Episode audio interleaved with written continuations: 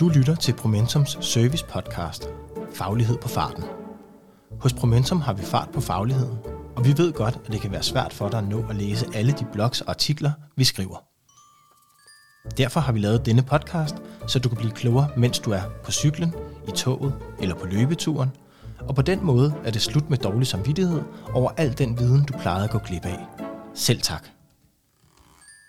Dagens artikel er indlæst af Sofie Flod Fuglsang Nielsen. Seks trin, der sikrer, at forandringer rent faktisk bliver ført ud i livet. Skrevet af Andreas Lindemann. Du har sikkert også prøvet det. At stå med ansvaret for lige at få det nye projekt implementeret. Nu er der blevet brugt en masse tid i organisationen på at udvikle dyret – så hvor svært kan det være at få projektet skubbet det sidste stykke vej ud over rampen og fortælle resten af medarbejderne, hvordan og hvad de skal gøre anderledes. Mens angsten sved både springer på overlæben og på ryggen ved tanken om, hvor meget der egentlig kan gå galt, forsøger du at skabe en eller anden form for overblik over, hvordan du skal gå til opgaven.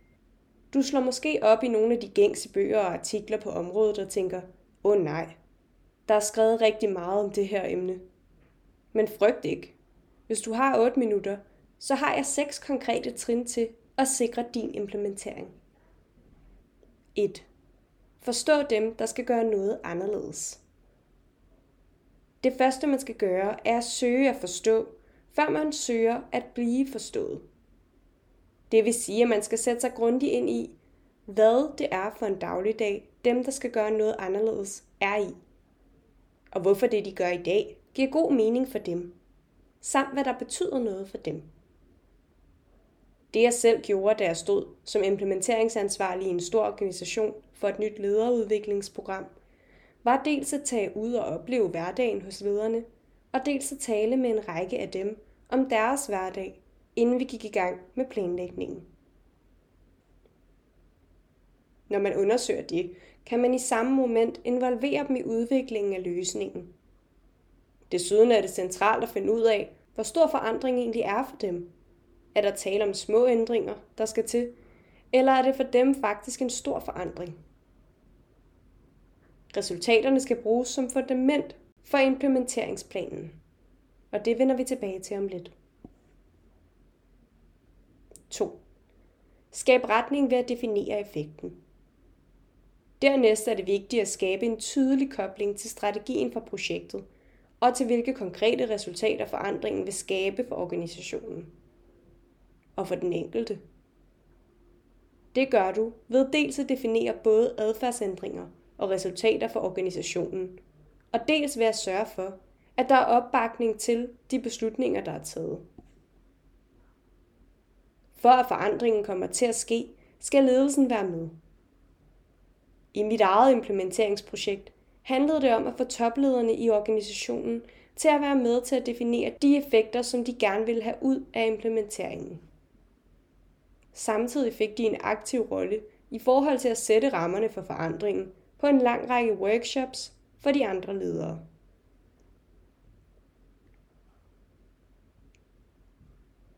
Tre. Planlæg og vær åben.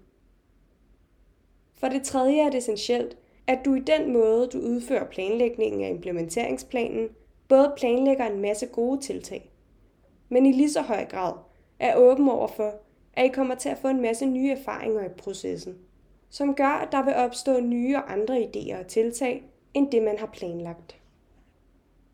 Det vigtigste er her, at de rammer og den retning, der er for forandringen, er helt tydelig for alle.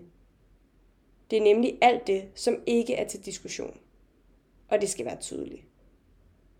Samtidig er det lige så vigtigt at kommunikere, at de involverede til gengæld har stor indflydelse på at udfylde de rammer.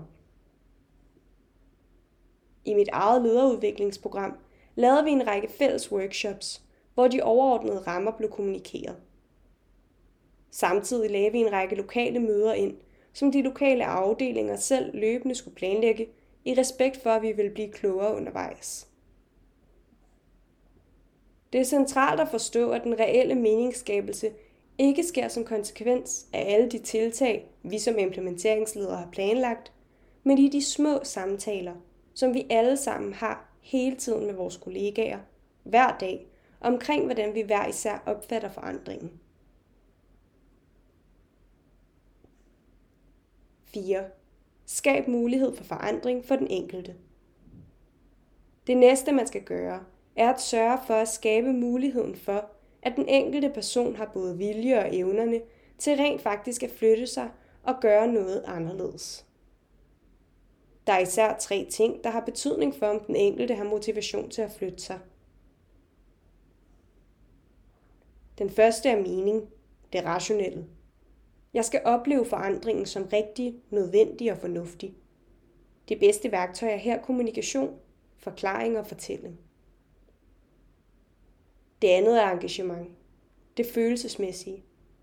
Jeg skal ønske forandringen, og jeg skal have lyst til at bidrage til den. Måske oven i købet brænde for den.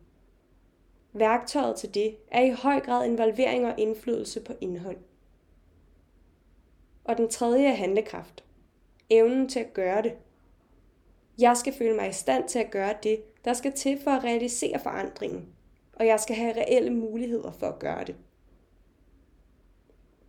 De værktøjer, du som implementeringsleder skal anvende her, er kommunikation, træning og udvikling af de kompetencer, som der skal til. Og helst i hverdagen, hvor de skal bruges. Vi gjorde konkret det, at vi på de fælles workshops både arbejdede med meningsskabelse, ved at toplederen forklarede rammerne og retningen, samtidig med at vi også arbejdede med engagement og handlekraft, ved at lederne aktivt skulle spare med hinanden på deres egne konkrete ledelsesudfordringer i lyset af det nye ledelsesparadigme. 5. Påvirk kulturen via involvering. Det femte, man skal have fokus på, er at sikre, at implementeringen ikke dør ud efter 3-6 måneder, og at medarbejderne derfor vender tilbage til den tidligere måde at gøre tingene på. Hvordan gør man lige det? I praksis oplever jeg, at det allervigtigste er at være til stede i hverdagen, med hverdagens udfordringer. Involver så mange som muligt, så tidligt som muligt, så de kan skabe mening i forandringen. Det er her, man kan konkretisere og tale sammen om sine erfaringer. Professor Ralph Stacey er stor fortaler for, at forandringsledelse bør tage udgangspunkt i konkrete, levede erfaringer, frem for de store, forkrummede planer, som alligevel aldrig holder. Så hans rigtig gode pointe er, at man skal tage sine erfaringer alvorligt, og sammen med andre reflektere over dem, når forandringen skal forankres. Derfor bør implementeringslederen altid sørge for at være til stede og hjælpe dem, der skal forandre sig med at gøre konkret, hvad forandringen indebærer, og samtidig være den, der skaber anledninger til at holde fokus på forandringen løbende. I lederudviklingsprogrammet sørgede vi for at uddanne en række lokale forandringsagenter, sideløbende med de andre tiltag, som både undervejs, men i særlig grad efter de forskellige workshops, havde ansvaret for både at planlægge opfølgningsmøder lokalt og samtidig være til stede lokalt og drive forandringen videre. 6. Vær til stede og følg op. Det allervigtigste, man skal gøre, er hele tiden at sørge for at følge op på, hvordan det går med forandringen, med udgangspunkt i den plan, man har lagt. Se, hvad der virker og hvad der ikke virker. Og samtidig være åben over for, at planen kun er en plan. Du skal tage dine forandringer alvorligt og gøre noget andet, hvis det du gør ikke virker. Her havde de lokale forandringsagenter en meget fremtrædende rolle i mit eget projekt. Og det gjorde også, at ejerskabet lå derude, i hverdagen, hvor forandringen reelt sker. Så forandringen ikke døde ud, så snart vi fra centralt hold var væk. Rigtig god implementering.